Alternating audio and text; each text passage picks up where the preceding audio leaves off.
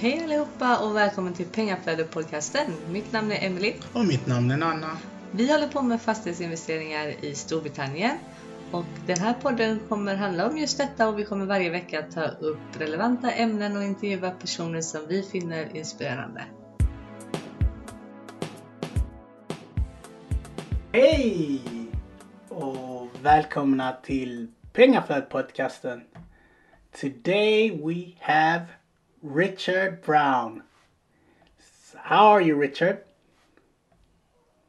Hey, no, no, hi. I'm, I'm good. I'm good, thank you. Good to see you. Thanks for inviting me on eventually. yeah, this have been a long time coming, but I want to save the the best for the last. Oh, is that right? Oh, well, okay. I'll, I'll look to see who's coming on after me then. no, but I think you're I think you have a very interesting story and how you invest.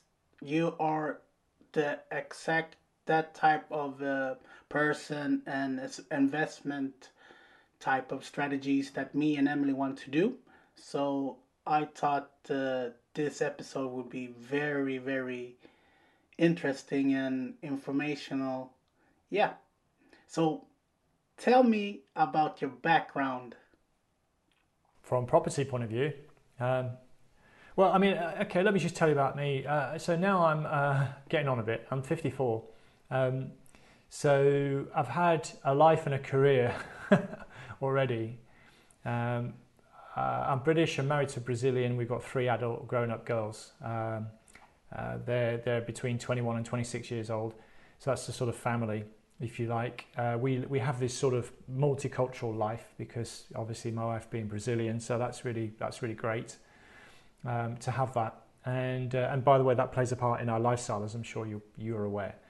Um, so, but you know, I, I, I followed a traditional route in it, I guess, from a professional point of view. I got educated, you know, did what my dad told me to do as a good boy in that sense, even though I resisted a little bit. I got educated and then went into corporate land, as I call it. I had a career mainly in financial services. So I worked directly for banks, and then I also worked for manufacturers delivering manufa- uh, sorry, not manufacturing, financial services uh, on behalf of those manufacturers. So uh, business to business finance really was my sort of uh, first phase career, and then I I've always wanted to run my own business, and so I stepped out at one point and um, became a, a you know I, I ran a few small businesses for about ten years or so. Um, did okay, but didn't do stellar. I did okay. Um, sold, bought and sold some businesses, ran some businesses, taught myself a few different industry sectors. So that I guess that would be my second phase career, and then um, then effectively uh, kind of went back into employment with uh, this crazy guy called John Chitty. Who uh, hats off to him. He gave me he gave me a job and went back into corporate land and was working for some blue chips, you know, big IT companies and, and big sort of industrials again on the financial services side, but I've also done a bit of consulting too. So that would be the third uh, element to my professional working career. But basically, um, I, I know you've cued me, and I know I probably shouldn't say this, but you've, you've asked me a question about what would be one of my favourite movies. Uh, probably a bit of fun question later. Um, so without uh, it's a spoiler alert, I'm going to answer one of the fun questions that you possibly might ask me at the end now. And one of one of my favourite movies is The Matrix, and um, it's a bit dated now, uh, but you know, I love the concept of the Matrix, you know. And what I like about the Matrix, it talks about basically a parallel universe and that we're trapped in this almost a game. Uh, that's the concept of the film. And I think to some extent, working for other people is like that. So that's why I brought it in at this point. So my point being that I was kind of restless in the corporate environment. I, I didn't feel that I really fitted in. You know, if you can imagine you going with with something, it's nice and smooth, but if you go against that grain, um, it, it's rough, it's jagged, it gets stuck, and I felt like that.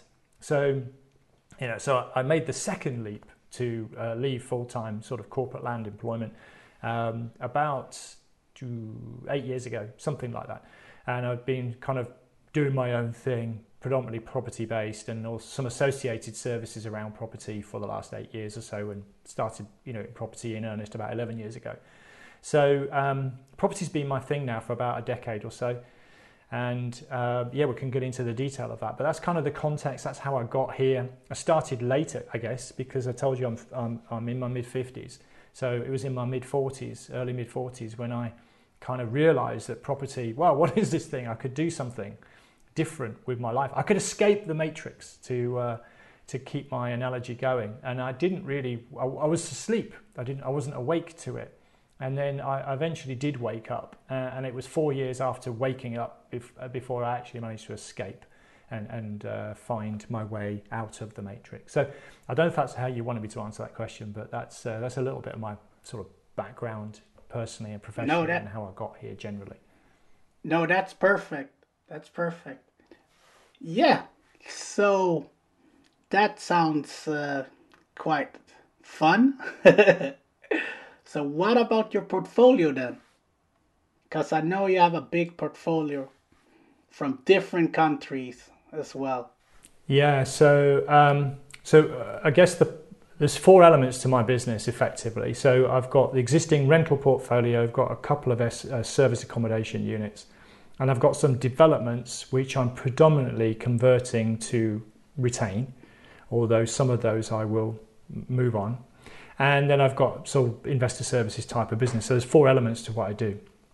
So in terms of the portfolio, which is effectively all but those services, um, there's 75 uh, rental units and um, across four countries. Um, the, the, the, they are, to be fair, concentrated in the UK, and the secondary market or the second largest market is the USA.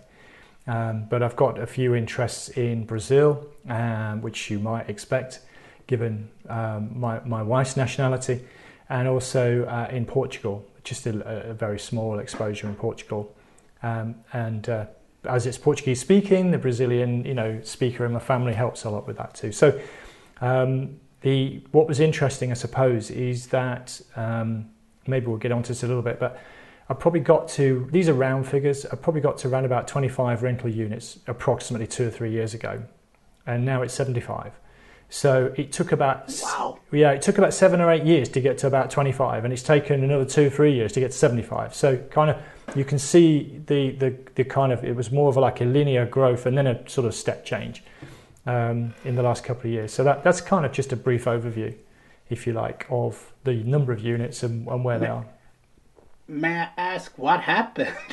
what to to that... yeah, um, yeah, that's a really good question to be honest. Because I suppose what I was doing was what I call cookie cutter approach for the first seven or eight years. So I was follow, following predominantly a BRR type of strategy, buy, refurbish, refinance. I love to add value to property, and so um, I was kind of just doing it. I was doing two, you know, between two and on average about three a year, I suppose, um, of these types of project um, you know, a couple running at the same time, staggered across the year, and I was steadily growing to about, as I mentioned, approximately 25 units, um, kind of one project at a time, um, although doing three of them on average. And what changed was really uh, two or three years ago, I recognized that actually I could do multiple unit, you know, conversions predominantly. So I was looking at you, you know, four units, six units, 12 units, you know, conversions predominantly, some a little bit of new build, not a lot of new build, mostly conversion. And so it, it just that's what created that that growth. You know, so you know, for example, uh, an 11 unit commercial conversion in Stoke on Trent. It's 11 units in one go. And yes, it's more complex, but at the end of the day, it's still one project, you know? So I could do that project. It would take longer. It's more complex. There's issues, etc., that you need to deal with, which are different to your vanilla buy, refurbish, refinance. You know, on a single family home. Yeah. But you know, it was that. That's what allowed me to scale. And of course, it it takes you into another level uh, once you get to looking at projects like that. You know, it's another level of complexity and planning and financing. Um, you know, yeah. managing the project. You know, is different the team you have um, is also different. So there were some growing pains between going this flat line to this sort of steep line. Uh, to be honest with you, there were some growing pains, but you know, just sort of coming through, coming through that now. Now I've got a bit, bit more sort of control on things, a bit more order. My settled, my team is more settled. So Um, but that's what made the difference. That's you know that's how I went from three a year to whatever 12, 15, whatever a year it's been since since then, maybe 20 a year actually, closer to that. Yeah, somewhere between. So on average about 15 a year in the last three years. Yeah, yeah, that's uh, different. yeah, and I, I, I also spoke because um, a lot of people who develop, like so, let's call develop conversions as well as ground up developments.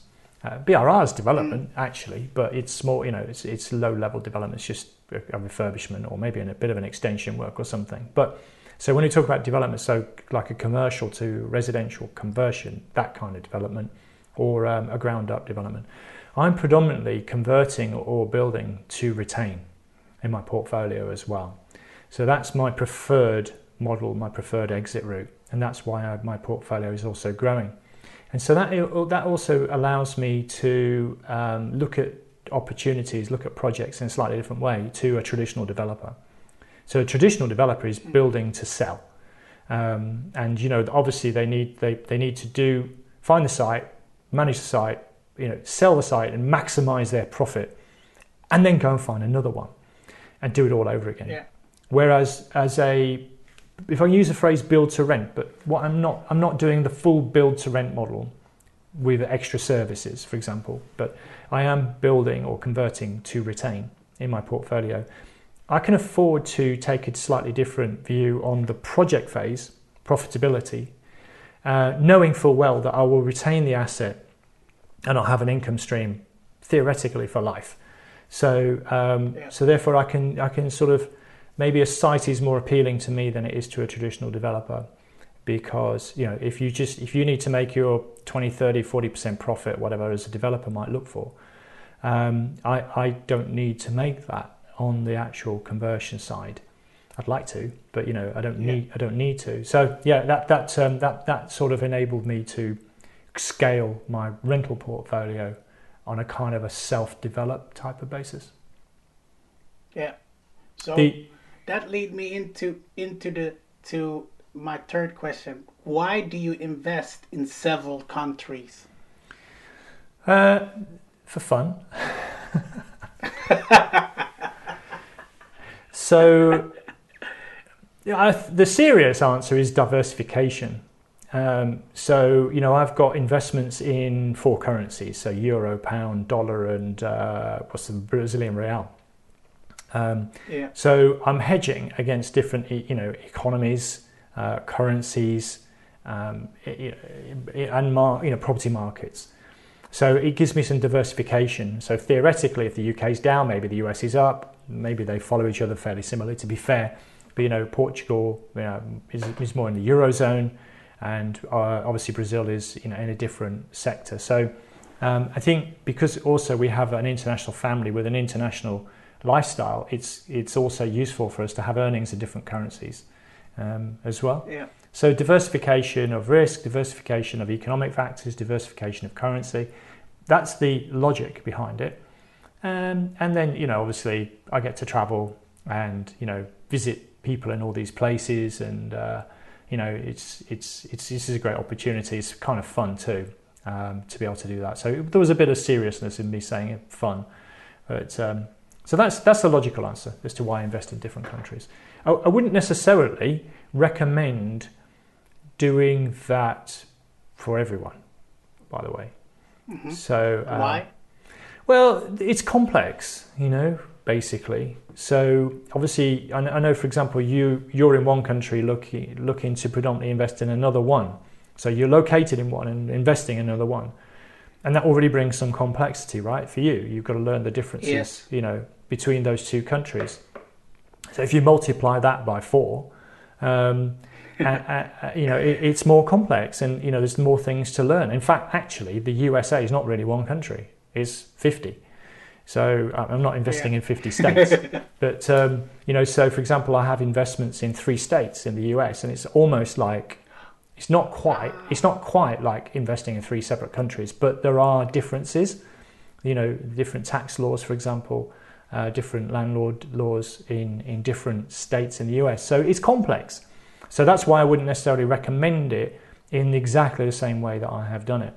Uh, I might do a bit of consolidation uh, going forward, uh, and I'm certainly more concentrated in two primary markets uh, now than I was. So, you know, you learn things as you as you uh, grow and develop. And I think some, you know, the initial, the start of the US, for example, was more opportunistic for me about five years ago.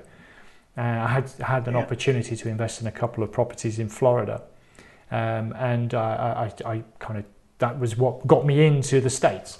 And then after that, I've, as you can tell, I've done I've done a bit in Florida, but done a bit in, in Chicago, Illinois, and also in uh, Ohio. So um, I might consolidate a little bit um, in the states, uh, and I probably won't grow too much more in Portugal and Brazil either. So I'll concentrate more in, in the UK predominantly and the USA to a second uh, second level. So maybe two, two markets is probably the right number rather than four. so which one is the most difficult of these countries or counties because you do, you have a different in in the US yeah I guess the the, the they're easier and, and difficult for different reasons for me personally Brazil is the hardest one without a doubt because I don't speak the language wow. well I don't speak the language very well so me personally so whilst I have the the help and assistance of my my, my wife and my wife's uh, family in fact so my my wife's um, my brother-in-law, so my brother-in-law, not my wife's brother-in-law. Um, she she he's an accountant, um, you know, for example, and and has access to legal services. So that makes life easier. But I, you know, I don't speak fluent Portuguese, so language is a barrier. And then the other thing about Brazil, for example, my predominant strategy is is basically buy something rubbish, do something good to it, and then extract the value to retain it. BRR, whatever you know, whether it's a, a single family home or whether it's a development type of project. Now, in, in Brazil, there isn't a secondary finance market in the same way that there is in, say, the UK or the US. So it's really difficult for me to actually do, you know, follow my primary um, investment strategy or investment model yeah. in Brazil. So I think Brazil is probably the hardest for me personally uh, and mainly because of language issues. And so also, it's not as mature from a legal point of view. So you, you, there are sometimes some title challenges on properties. Um, then, then I think I'd say, obviously, UK being my home market is the easiest market for me.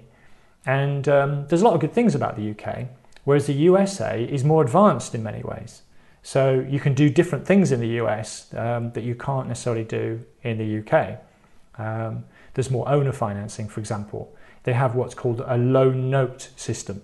So that's really uh, private lenders who will lend money uh, on on properties. You know, in a, in, and it's more of a uh, there's more of a marketplace for that. There's more it's more accepted.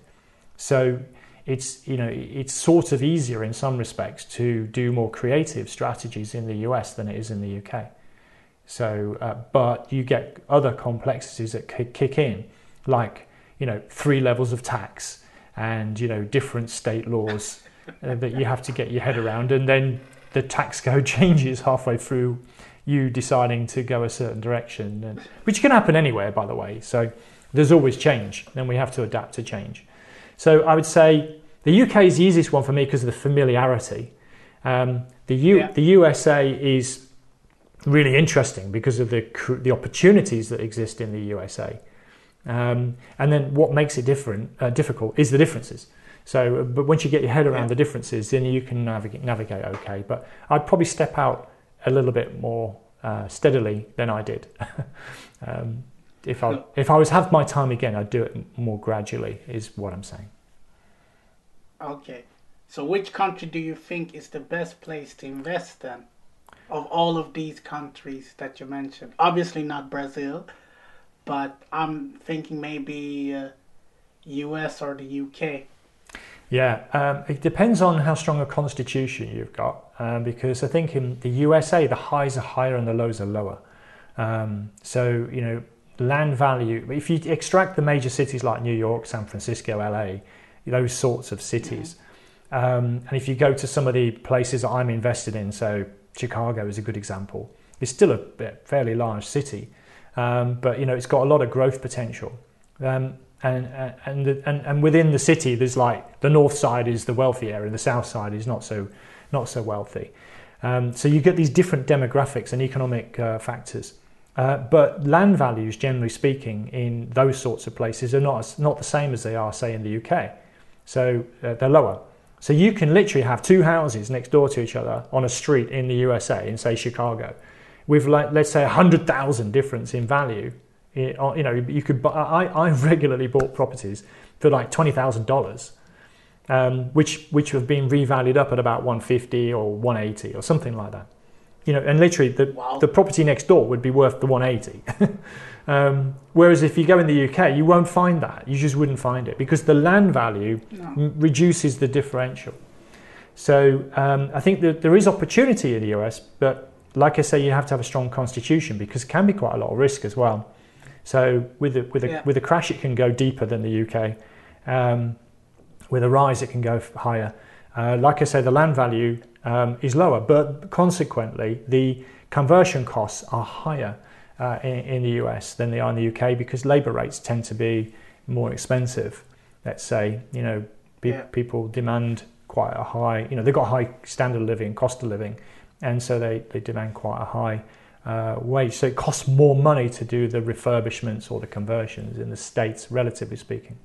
So, and therefore, if you, if you kind of don't get the budgeting right, it can you know swing the numbers quite significantly. So, okay, so uh, of those four countries, which country do do you think have the most cost of refurbishment? Is is that U.S.? Uh, from my experience, yeah, definitely. Um, yeah. So I'd say for the areas I invest in, so it isn't necessarily the whole of the US. I would say land values no. are lower generally, and um, refurbishment conversion costs are higher, let's say, than the UK, and and yeah. indeed Portugal for that matter. Brazil's got the lowest labour uh, labour cost, but as I mentioned, it's difficult to extract the value unless you sell. So I could do flipping. I could flip in in Brazil, but uh, for the reasons yeah. I mentioned, I, I probably uh, we we we most of, we I would say to people who are looking at investing in Brazil, either flip or if you're going to invest for the long term, have a good reason to have to be there for the long term. You know, so we have yeah. a good reason because of family connections. so yeah, yeah, and we and we'll we'll always spend time in Brazil um, for that reason. So. No, because because I'm I'm asking this because of a lot of uh, Swedish investors. Uh, they usually use to either want to invest in the U.S. or in the U.K. market so that's why I'm asking. Yeah, yeah. So okay, so uh, I mean, I, I, personally prefer the UK because it's more stable. I think. Yeah. Um, it's more predictable, therefore. The US can be can get better returns, but can also lead to losses pretty quickly if you care, if you're not careful. And also, there's a lot of what I call trophy investments type of thing in, in the US. So, you know, the the eight nine bed villa near Disneyland. You know, sounds sounds great, but as an investment, it's not necessarily a good idea. You know, um, I'm one. I'm, I'm always about return on investment, income returns on investment, and. Um, yeah. I mean, I know that pe- pe- people, and they'll tell you the numbers they want to tell you. I was talking to someone recently who, who bought an, uh, an Art Deco uh, building in Florida, in Miami actually, and he was telling me that it's, yeah. how much he's, he's renting it for five hundred dollars a night and blah blah blah. And but I looked at his calendar and he, he didn't have that. He didn't. It wasn't that booked out. So he was telling me what he wanted me to hear. Um, if you yeah. follow me. So there's this trophy asset stuff, and in the major cities it's expensive and it's more of a capital growth play. Um, whereas in the sub in, in these sort of midwestern places and like Chicago, like Ohio, you can get c- crazy yeah. return on investment. But you know you need to be careful what you're buying. So, yeah. for example, we were I was bought I was offered rather uh, what they call a turnkey investment in Ohio, and you know I had it inspected, kind of like a survey. And uh, the, yeah. the, the guy who was selling me the unit is like, what, what do you want to expect it for? It's just turnkey. We've done all the work. You know, I'm like, well, because I want an independent person to look at this, please. That's, yeah, that's okay exactly. with that's okay with you. And uh, anyway, I had the inspector go round, and the inspector told me that the, it was going to fall over basically. The basement foundation was not secure. And, you know, it would be a significant amount of work to make it so.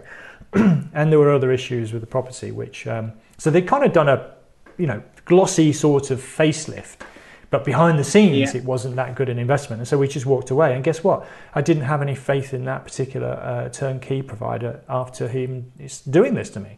So that was supposed to be Yeah, a fully fully turnkey, you're ready to go unit, and it would probably be been okay for a few years, but then some, the the skeletons would have crawled out the, the woodwork later. So you've got to be watching. Sometimes I do say the US is like the Wild West still, so you've got to be careful. Yeah. Got to be careful. So whilst I am investing in the US, um, it's my secondary market. Um, I've had to be careful. I've had a few close shaves over the years, um, and so I prefer the UK personally. So Yeah. uh, I, d- I invest in the US for diversification reasons, and you get probably double the gross yield on a single family home in the US Yeah, than you would exactly. on, on the UK. But um, there's all this other stuff that goes with it. Yeah. So how how did you manage to uh, find your power team in these different countries? I, I know you, you got your power team fr- uh, in Brazil from your uh, wife's brother, your uh, brother-in-law, but uh, in Portugal and in the US, UK. I know you. You're from UK. Excuse me. So, because I took a drink, it went down the wrong way, so I got that. so, so yes, I think No what they in the states they call it boots on the ground. Um, so, um, but basically, uh, and I say having your own eyes and ears.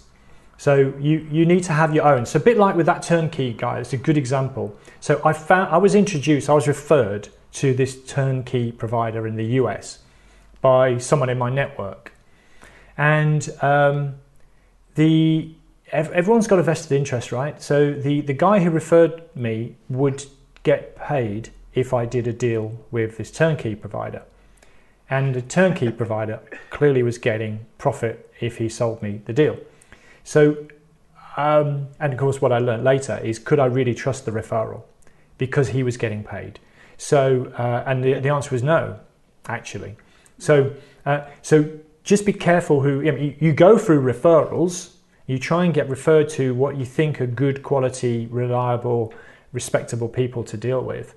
But look, always ask the question, what's in it for them? And literally ask them, what's in it for you? Uh, and if they've got some sort of monetary gain, then you know there's it's difficult to trust. So the other phrase is trust but verify. So you can trust Yeah. someone to give you a referral, but verify. So there's there's things in the US called so for example there's a rating system called Better Business Bureau. So you can look up you know it's a bit like Trustpilot and things like that for businesses. So you can look up um, businesses reputation on Better Business Bureau, and that you know you just get people saying whatever they want to say uh, about that business. So um, that's that's quite a good resource to sort of double check. So get maybe the referral route. So a, a property manager, they call them property managers, letting agents. They call property managers in the US. Um, so if you if you go, so you get used to the different terminology, but this, the concepts are the same. So a property manager or a letting agent can refer you to contractors who'll do you know refurbishments, for example. So that's quite a good place to go. But always trust but verify. You know, do the extra reference checks. Um, I had somebody once just to you know, uh, just to drift off, uh, who was also introduced to me as someone who who could provide financing to me as a an overseas investor. And there are and uh, there are ways to get financing as overseas investors, but I was introduced this call uh, to this um, person. Uh, let's just call him Dodgy Daryl. Um, and um, I, I looked up. There's a there's a, a, resource over in the states. So there's a lot more transparency in the states. So you can look at value values you can look at in the UK too, but there's valuations you can look up online, uh, and there's also a service called White Pages. And White Pages basically you can look up someone and see if they've got any criminal records, see what uh, see if they've got any outstanding ju- judgments and and things like that. So Dodgy Daryl looked a bit dodgy basically. So uh, when I when I looked him up on White Pages, and he was just, I just felt it was a very elaborate phishing scheme. But he, you know, he was going to lend me hundreds of thousands, but in order to lend me this money, I had to pay him like thirty thousand or something. I was like, what? Why am I giving you? What? Why am I giving you money so you can give me money? I was like, no, no, no, no. I'm never going to. Yeah. I'm never going to see that again, am I? And um, but he, you know, he produced some really uh, like you know, produced some professional indemnity insurance and some references and stuff. And I just, you know, when you just get that feeling in your stomach, I was like, no, no, no, it's not, it's not right, not right. So I just gave that one, No. a, gave that one a bit of a swerve. So, um, so there's some resources you can get out there when you're looking at the states. And the UK is not quite as advanced in that respect, but you can, you know, can do the checks around the social networks and the forums and the, um, the, the sort of online referencing. But so building this team. Yeah. So what I would say is try and go on a referral, but be careful about the referral. Trust but verify. So validate them. And um, I think the other thing to say is this really, where, and, it applies anywhere. So forget US or UK, Brazil, Portugal, whatever. It applies anywhere. You're going to end up kissing a few frogs, so to speak. Um, I work on a general rule. that If I go into a, a new area, that could be a new city in the UK or a new country. If I'm going into a new area, I'm pretty well expecting that I will of of you know of, of one in three people I would work with again uh, on the next project. So in other words, two out of three I probably wouldn't. And then of course, so if you retain that one, then you've got a similar you know sequence. So it probably takes you two or three projects before you really build your trustworthy power team, as you call it. So I, I Yeah. think it takes some time. Um, and you know you might get lucky you might you know just be able to you know plug into an existing network or team or something um, and maybe Yeah. par- partnering with somebody who's already there is a good way of doing that potentially but i think uh, if you go in on your own and try to build your power team from scratch just just be a bit careful i'd say Yeah. So that leads me into the to the following question: How do you manage all of your projects from abroad? Living the dream. wow but i said i was 54 i'm actually 24 you know but this is, yeah, I, feel, a bit, I, feel, I feel like i've aged quite a bit in the last few years. Um, so we've got two types of management. We've got projects and, and properties. So obviously so just to differentiate so in the project phase that's when you're doing something to the property uh, a refurbishment conversion or building it. Uh, and then on the management phase that's really once it's tenanted and um, you're renting it out so, uh, long story short, I, I rely on other people. Um, that's it. So, I have good people around me who, uh, or try to get good people around me who look after those various elements. So, I have a project manager. Um, um, now, it doesn't always follow that I have a project manager in every country I work in. So, sometimes you can you can ask a property a letting agent or their equivalent to be a project manager. So, if it's a small refurbishment you know, um, they could go and check on it. They could, you know, look on the quality of work of a, of a tradesperson and sort of play that role. Um, then you could have a main contractor who also doubles up as the project manager. Um, you could follow that route with the projects too. Or you could have your own independent project manager or even site manager, depending on how big the job is. So that's on the project side. And on the property side, um, in, if it's a foreign market to me, I have um, I use letting agents or property managers pretty much uh, exclusively in, in overseas countries. Um, but here's the caveat have your own eyes and ears. So even if you're appointing a property manager or a uh, let's say uh, a letting agent or equivalent to look at things, get somebody independent to check in on things um, uh, occasionally. Um, so it doesn't matter, you know, all the will in the world that you know those people you think they're going to be okay uh, to work with, but just get your own independent eyes and ears. And in the states, you can have like what they call property inspectors, who will go in and, and do that sort of role. You can employ people who just go and um, you know check in on things for you, um, do your own sort of mini inspections in between things. So yeah, just it's the trust but verify thing again, to be honest. Yeah. Okay. So do you extract money from different companies? So at the moment, I'm on a no is the answer. I, I reinvest everything pretty much. Um, so I'm on a, a, quest at the moment to um, grow my portfolio, uh, grow my asset base. I've got a big vision, which is to develop a foundation, actually, uh, which will outlive Wow. me. Yeah, which will outlive me. So everything kind of gets thrown back into the pot. So I, I do have um, uh, alternative income streams. So uh, I have like um, mentoring consultancy sort of revenue stream. Um, I'm fortunate my wife is still working, um, so that provides a bit of income, you know, stability in that sense. So we don't need to dip into uh, the the money from the property side. So I kind of say that you know, I, am I'm also doing this to some extent, but my wife's pre- predominantly income for today, and I'm pre- predominantly wealth for tomorrow. So that's kind of how we do things. Yeah. But my wife's on her last assignment now. I don't think she's going to work beyond this role. She probably got another two or three years, and then uh, we'll go into our semi-retirement mode. Um, and our semi-retirement mode is living between three three countries. Um, so that, that's how we'll operate, and then we'll probably start to draw down income from the portfolio at that point in time. So we're kind of building things up, um, reinvesting everything, growing the snowball, and then um, I do have alternative income streams, as I mentioned, uh, as does, you know, uh, well, the family has alternative income streams. And then, you know, we'll start cashing our chips in a little bit, maybe in two or three years' time. That's, that's our plan. Yeah. Yeah. I was thinking about asking you what strategy do you prefer each country, but you mentioned before that you want to retain everything. So I'm going to leave that one out or should I still ask it?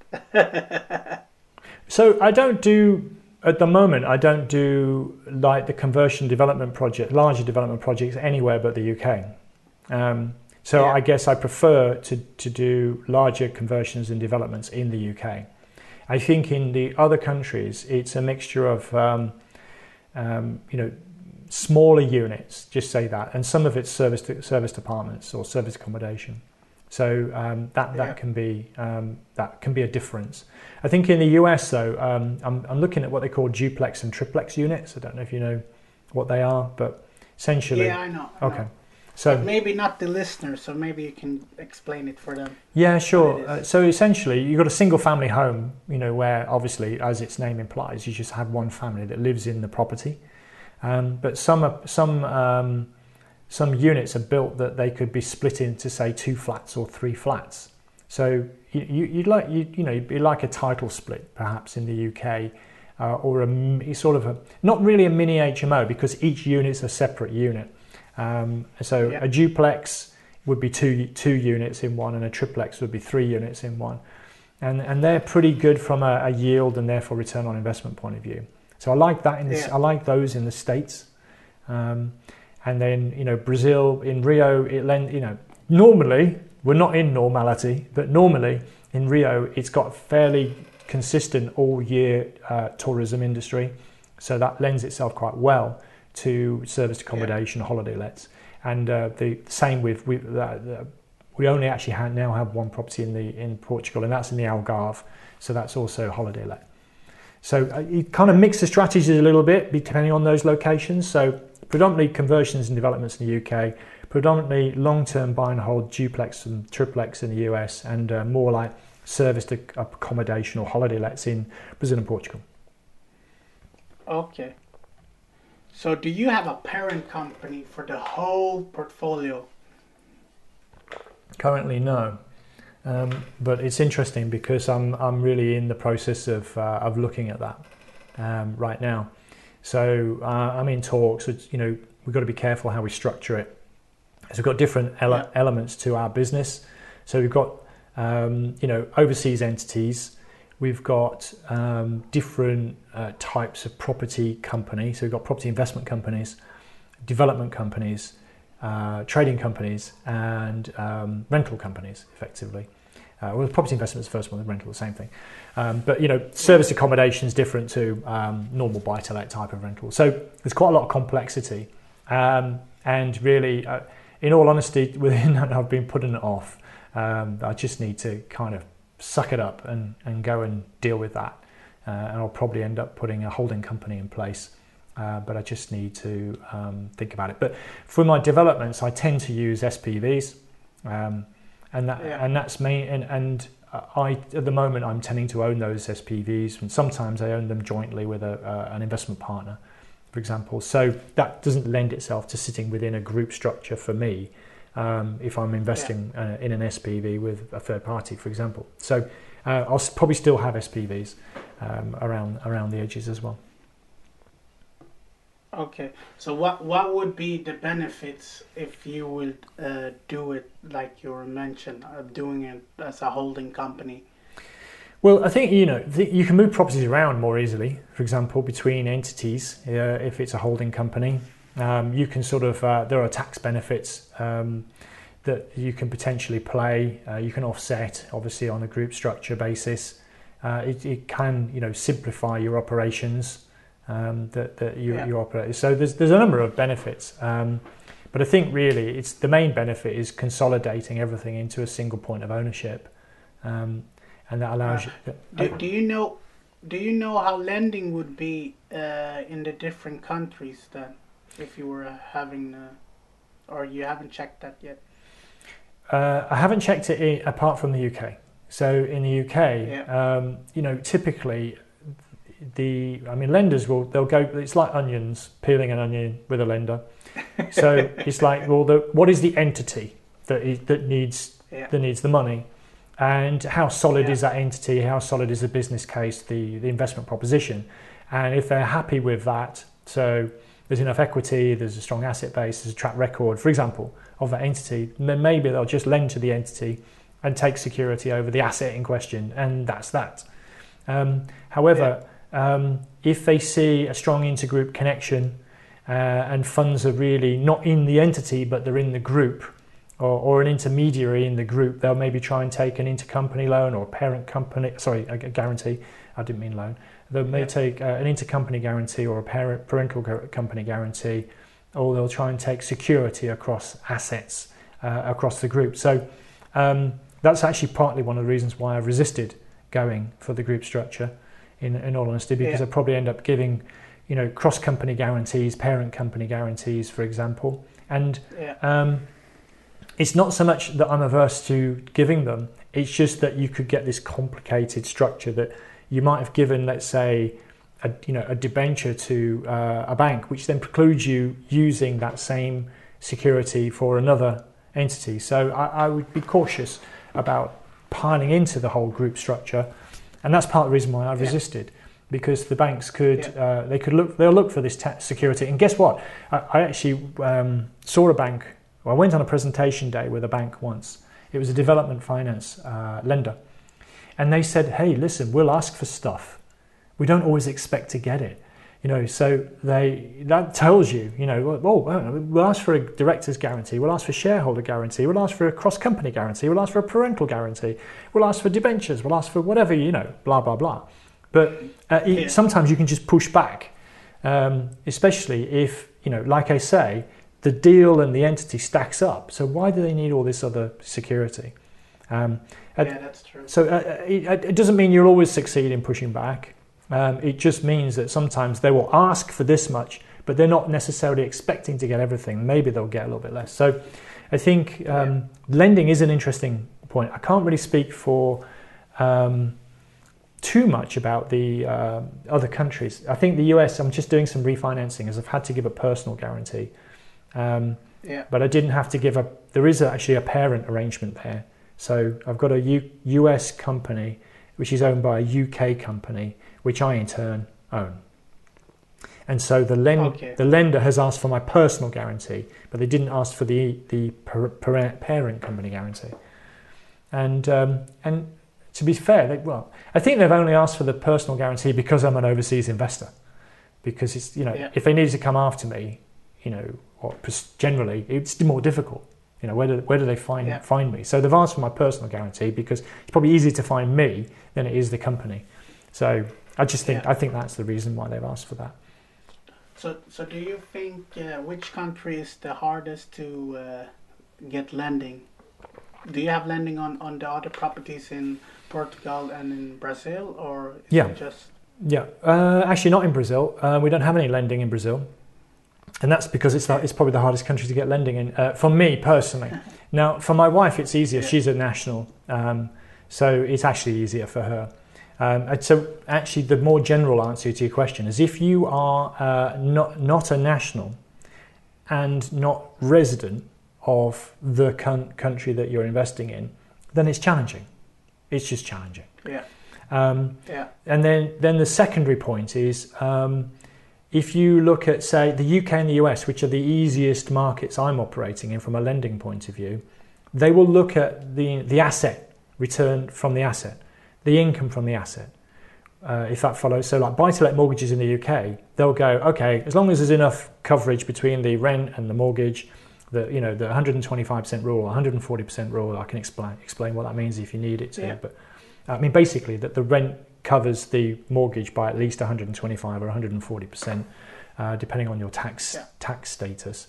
Uh, that's what that means. Yeah. So you can you can get you know a loan on a buy to let if you meet that criteria.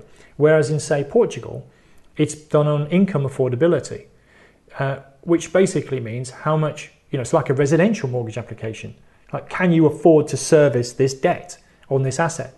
So it it, uh, it, it makes it difficult to scale in in say Portugal, and and the US I've found it's a little bit similar to the UK.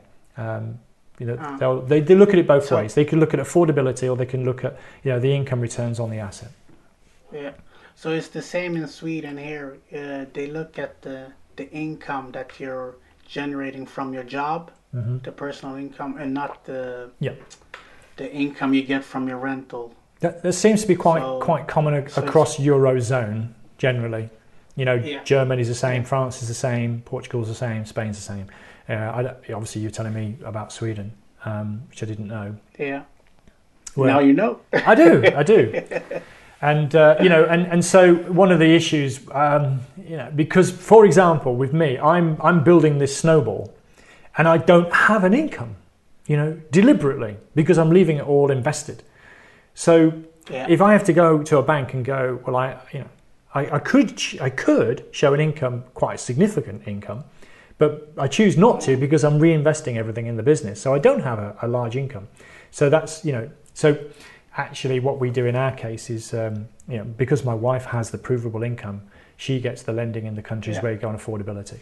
And, and I get them Yeah. where, you know, that's another reason why I'm investing in the UK and the USA because it is not so irrelevant um, that my income. Yeah. So how do you stay tax efficient? This might surprise you. My answer I don't sweat too much about tax. Um, is the is the honest answer. Now, don't get me wrong. I, I don't like just ignore it completely. It's just that I work on a general principle that if I'm making money and, and need to pay tax, I'm doing okay. Um, Yeah. So, but yes, there are things you can do to make yourself more tax efficient. Um, so, just to give you one small example. Uh, well, in the if I talk because obviously it differs between countries, the, the tax rules. So, but if I just focus on the UK for a second, so two two big uh, tax breaks that you could get. Um, one is if if a property used to be your own home. So um, now Yeah. it, you can only have one own home at one time. So this is quite limited. But if you can imagine you had your own home, and it used to be even more attractive, they changed the rules. Uh, it used to be that they had something called lettings relief, but that's gone now, so forget that. But if you had your own home, um, you know, if you buy your own home and you make money on your home, excuse me, and you sell that home, then um, it's then your capital gain is tax free. But the period of ownership is still tax free if you convert it into a rental property.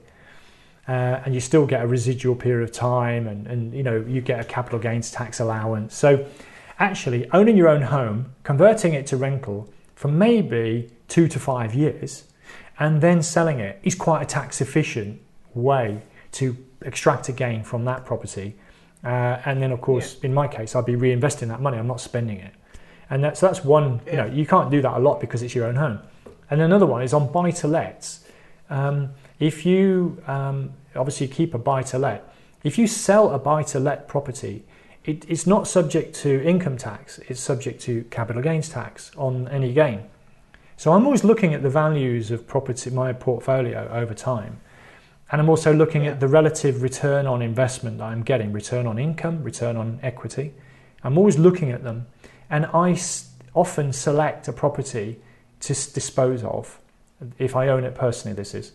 Um, that's what I'm talking Yeah. about here. In in any one year. So last couple of years, I've kind of sold one property a year that I owned in my personal name, and um, I've had I've not paid any uh, capital gains tax often, or or a low amount of capital gains tax, and I reinvest those profits in in my portfolio. So you know, so I can. Whereas if I left it. Um, there will be a point in time where if I were either to sell it or it become part of my estate, you know, be subject to quite a high level of taxation at that point. So I'm looking to recycle. There are costs associated with selling a property, uh, transaction costs, yeah. for example, you know, estate agent fees, etc. So um, you know, you need to kind of do your sum. So I, I, kind of do that kind of exercise, but I don't do anything fancy like you know trusts or, or, or that that kind of thing particularly. Yeah, yeah. Uh, what, yeah. One quick mention about uh, taxation, which is might not work for overseas investors, but it might work for a lot of people I engage with is the use of a, um, a SSAS pension. That's also quite tax efficient, and yeah. and so if you if you have a, a SSAS pension, a link to your uh, property business, you can you know get some tax breaks. Let's just say that you can get some tax breaks there, and also you could be your own bank uh, to some extent yeah. through the pension. Lots we could talk about, but so, I'm, I do not sweat it too much with taxation. No, no, no. No, it, it, I, I, I totally agree with you with that. If you pay a lot of taxes, that means that you're doing quite well. So I agree with you. So how do you transfer the money? Uh, is it forex forex trading or is it internet bank or is it uh, yeah. TransferWise, Revolut, etc.? Yeah. So uh, I, I, mean, I, I, use TransferWise and Revolut um, quite a bit especially with the US. Um, TransferWise have got a borderless account um, system now, so you can set up a US dollar account, a euro account, for example, um, we, mm-hmm. we, and, and, a GB, uh, G, gross pounds account, pound sterling account, uh, borderlessly with TransferWise. So that's yeah. my go-to um, source. The, the thing is this though, um, there are different banking systems. Uh, which I discovered. So with the US, for example, they have like um, at least two different banking systems, and TransferWise only use one of them. So you you cannot. So for example, there's the concept of an e-check, electronic check, in the states. TransferWise don't su- uh, support that, so you can't pay or receive e-checks with TransferWise. You can't, you know, um, you can't send a wire transfer with TransferWise, but you can send what they call ACH. So you kind of, you know, first time you get into these things, you probably make a mistake and you realize, oh, I can't do that. Um, but then you've got international wire transfers, which are typically quite expensive. But if you've got a major, if you've got a small purchase, it's probably not worth sweating too much about um, exchange rates. TransferWise and Revolut probably take care of most things for you. But if you've got yeah. like a, a, large payment, like a refurb cost or a purchase or or a mortgage transfer, uh, transfer or settlement figure or something like that, it's probably worth going to uh, some sort of currency broker and, and getting a price on that. Yeah. Because going to the mainstream banks, you'll pay an awful lot in fees and, and lose a lot on the conversion as well. Yeah. So, which country did you suffer most or was most painful during this pandemic? Or, yeah, we're still in it. it's kind of weird because I suffer, I suffered in all of them in a way. Um, Funny enough, Brazil not so much because of the way our, our investments are structured there. But um, the US I had more more um, arrears um, on the on the buy, on the sort of rentals. In the UK, um, because I've got more development activity going on, I had I suffered more with the development projects, uh, which I, I, just couldn't get on site, for example. Um, yeah. So I suffered in a different way. And then I think um, in, in, Portugal, which is a holiday, it just closed, closed for business, you know, effectively. Um, and the same with, funny enough, the well, the holiday, the short, the service departments in the UK, they kind of they emptied for you know for about two or two or three months, and then they've picked up again. Uh, Portugal, I kind of missed the season, um, so that's a bit bit rubbish. So I kind of suffered in different ways in different countries. But thanks for reminding me.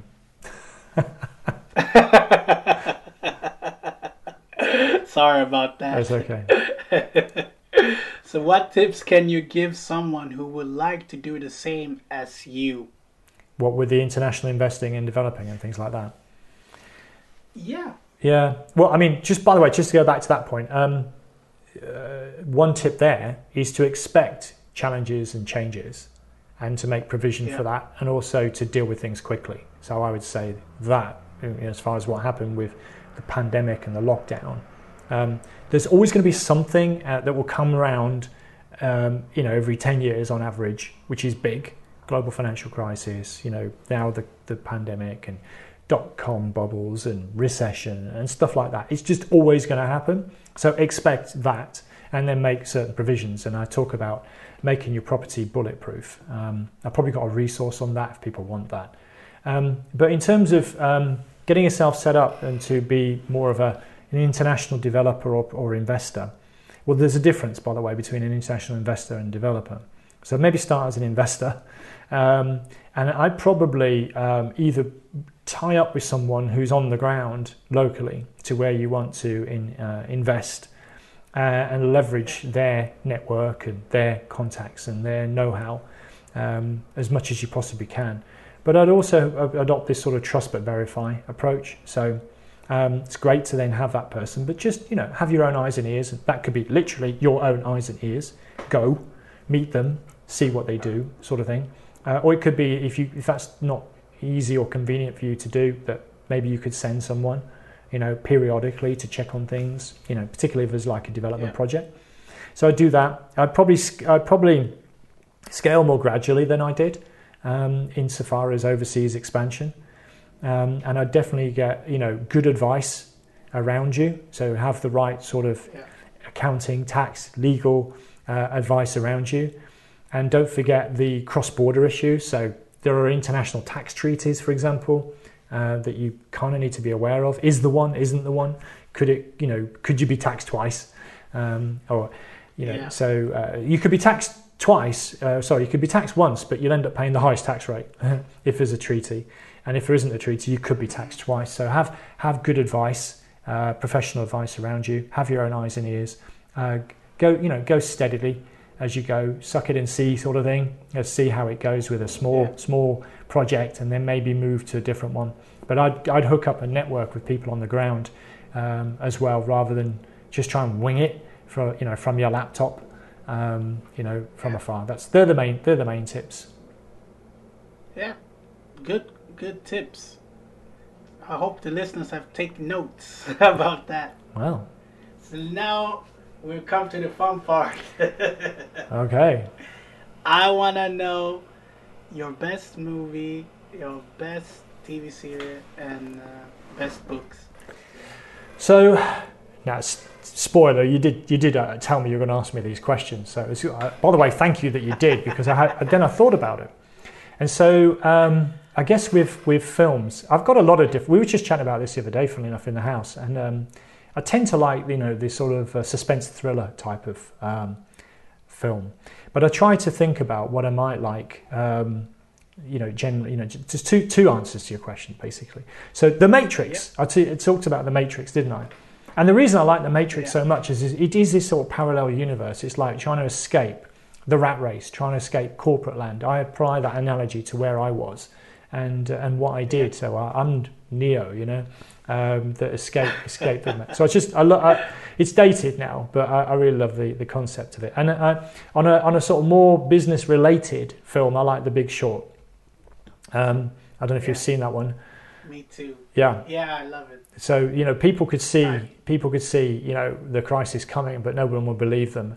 And I like I like things which are contrarian um, you know, generally speaking. Yeah. So that's part. That's the reason why I like uh, that one.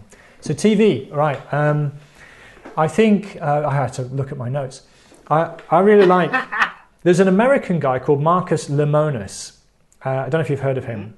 Mm-hmm. Um, and he. No. So he's uh, he's a, an investor and a uh, business investor, an owner, and he goes in and, and kind of buys small businesses and turns them around. And um, he's got a TV program called The Profit, uh, with a with an F. He's not like a prophet, you know, prophesying what's going to happen. Ah. And it, and I really love that program because um, you know, well, I love turnarounds by the way. So I'm a I love love the whole idea of a turnaround. And he just goes in, he does deal on a handshake, uh, you know, a lot on trust, and uh, he's got some really good ideas of how to simplify and expand the business. And he, he's got this phrase called "trust the process," or as he calls it, "trust the process." And um, I, I, I, love that concept. So that's a that's a good one. Um, Not sure what channel you Yeah. can get it on. Um, we have a number of different cable networks, so it's on. Maybe on YouTube I can find it. Maybe. Otherwise, And then I, I love any property reality TV. I mean, I don't know about you, Nana, but if we travel, and this is this is, I'm going to tell you this now. If we travel, it's actually my wife who will go on the TV and look for something like Sarah Beeny or something like that. You know, um, th- there's the Yeah. there's the Property Brothers, which is a US one, and there's these different property reality. Yeah. We watched one the other day. Funny enough, we're watching Sarah Beeny at the moment with How to Live Mortgage Free. So we always make a beeline. It's very unromantic, I know, but you know, we we like we like the sort of property reality TV. So you know, for a little bit of chill, we don't take it too seriously. And in terms of books, I'm a really I'm a massive book reader, as you I think you know. Um, yeah, I know. so it's really difficult for me to pick one or even two. Um, but I think I'll get three. you want me, you want three out of me. Let's see if I how many I had on my list. Um, okay, so okay, t- two two similar ones. Um, so picking up my my line about contrarian thinking. So there's a book called What I Learned Losing a Million Dollars, and you know because Mm. people write about success, but not many people Yes. write about what you can learn from failure. And Yeah. that's the reason why I like that book. Because if you ask anyone about, well, what's your secret to success? They'll say this or say that. Then you ask the next person, they'll say the other and the other. And you go, well, which one is it? You know? Um, because actually, there's a, Yeah. there's a lot of different things that contribute to success. But this book talks about there's only three main things that contribute to failure, especially as an investor. Yeah. So um, that's a really good book I recommend to people because you can learn a lot from failure. I'm gonna read that book. Cool. And then uh, I'm, I'll- for sim- I'm writing it down now. And do you remember what I said about everything goes in cycles and there will always be something big that happens? Uh, and then everyone's Yeah. always taken by surprise. Well, guess what? It always happens. There isn't really a surprise. The only surprise is what is the thing. The, the, and so the book, The Black Swan, have you come across that one? It uh no, I've. I- i- Is it the same as uh, this? Never split the difference. Is this the same No, author or no? Different author to Never Split the Difference. That's a good book, by the way. Um, the, the, and, uh, it's um, Taleb. I forgot Because he first name. called because he called he calls his group the Black Swan. That's why I Ah, did that. Uh, yes. uh, parallel. I understand. Yeah, Chris Voss wrote um, Never Split the Difference, Yeah, um, exactly. and yeah. he has got a consultancy called the Black Swan. But and he's taken the concept of the Black Swan, which is basically a rare occurring Mhm. event that nobody could see coming, but actually they happen more frequently than you imagine. So um, I love that one yeah, uh, for that reason. And then you know, I guess if I'm if I'm going to be pressed into a third one, um, everybody talks about Rich Dad Poor Dad, right? So yeah. I'm not, because everybody else does. Um, but, but, I love it. but yeah, yeah, yeah, Rich Dad Poor Dad. Obviously, you know, everyone should read that one. Um, ironically, I suppose I love um, uh, unscripted. There we go. So, have you heard of? Have you read uh, Millionaire Fastlane by MJ No. MJ DeMarco? I, I have it on my uh, list. I have so many on my list. So uh, his Yeah. he became famous, MJ DeMarco, for writing Millionaire The Millionaire Fastlane, which is a good book, by the way. yeah, But I really like the second one, which is called Unscripted. And guess what? Unscripted is a bit like The Matrix. Mm. So kind of ties in. Tie, it's it's the idea of escaping the this sort of you know treadmill rat race world. Um, and, and maybe if you're doing Yeah. it through business, actually, he talks about business, but he also talks about investing. He talks about real estate um, as well. So um, I quite like it's, the, the, it's quite a long book, and you probably need to have read Millionaire Fastlane before you read Unscripted. Uh, and having said that, you can probably skip the first third of Unscripted if you've read Millionaire Fastlane. So there you go. There's there's three. I could probably and I, I one bonus one, um, particularly if you've not got a good grounding in personal finance, which I didn't when I started. Uh, but I love um, The Richest Man of Babylon. yeah, yeah. That's a good book It's easy to read. It's, it's a parable. and very short as well. Exactly. So you get you, you notch up another book on your uh, on your target quite quickly. Mm. hmm So I'm, re- Okay, yeah, that's how I'm reading three or four a month. Yeah, but there you have it, listeners. Richard Brown, And if people would like to reach out to you, how can they reach out to you? I know you have a podcast. That's how I found you from the beginning. Sure. Uh, but yeah, how can you reach out? So but let's keep it all together. And So email me podcast at thepropertyvoice.net, um, which obviously has got the website address in that as well. So go to the, thepropertyvoice.net. We've got a page which tells you about the podcast. It's also on iTunes, Stitcher, Spotify, blah, blah, blah. It's all on. So the Property Voice is how I'm probably uh, most known, I suppose. Um, I've written a couple of books, so you can find some of those books on Amazon. Um, and then I write for YPN magazine. So if you write, if, if so, some of this is kind of said, oh, that's interesting. So I talked about bulletproofing your portfolio. Uh, I've written the odd article investing in the USA, for example.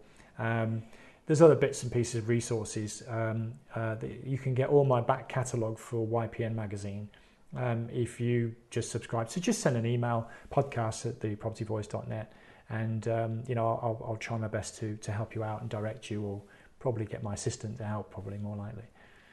That's that's the best. Yeah. I think they're the best ways of getting hold of me. Okay, there you have it, listeners. Thank you for listening to this great guy and for me asking all of the questions. I was really thanks for getting me on the show. I really appreciate it. It's, um, uh, I hope your audience in Sweden gets some benefit out of it. But um, yeah. you know, well, I was. Uh, I, was going to digress. Let me not digress because I'll just digress forever. But I remember a really good uh, occasion I had in Stockholm, um, in a, a, summer party in Stockholm. But let's not go there. Uh, so I've got I've got a good memory of, of Sweden for sure. Uh, as a result of that, so hello to all the people in Sweden. Um, you know, we, we, we, tend to get on well, the Brits and the Swedes. So, um, and I'm sure yeah. other nationalities are also included and welcome. there you have it, people. Don't be stressed, invest. Bye.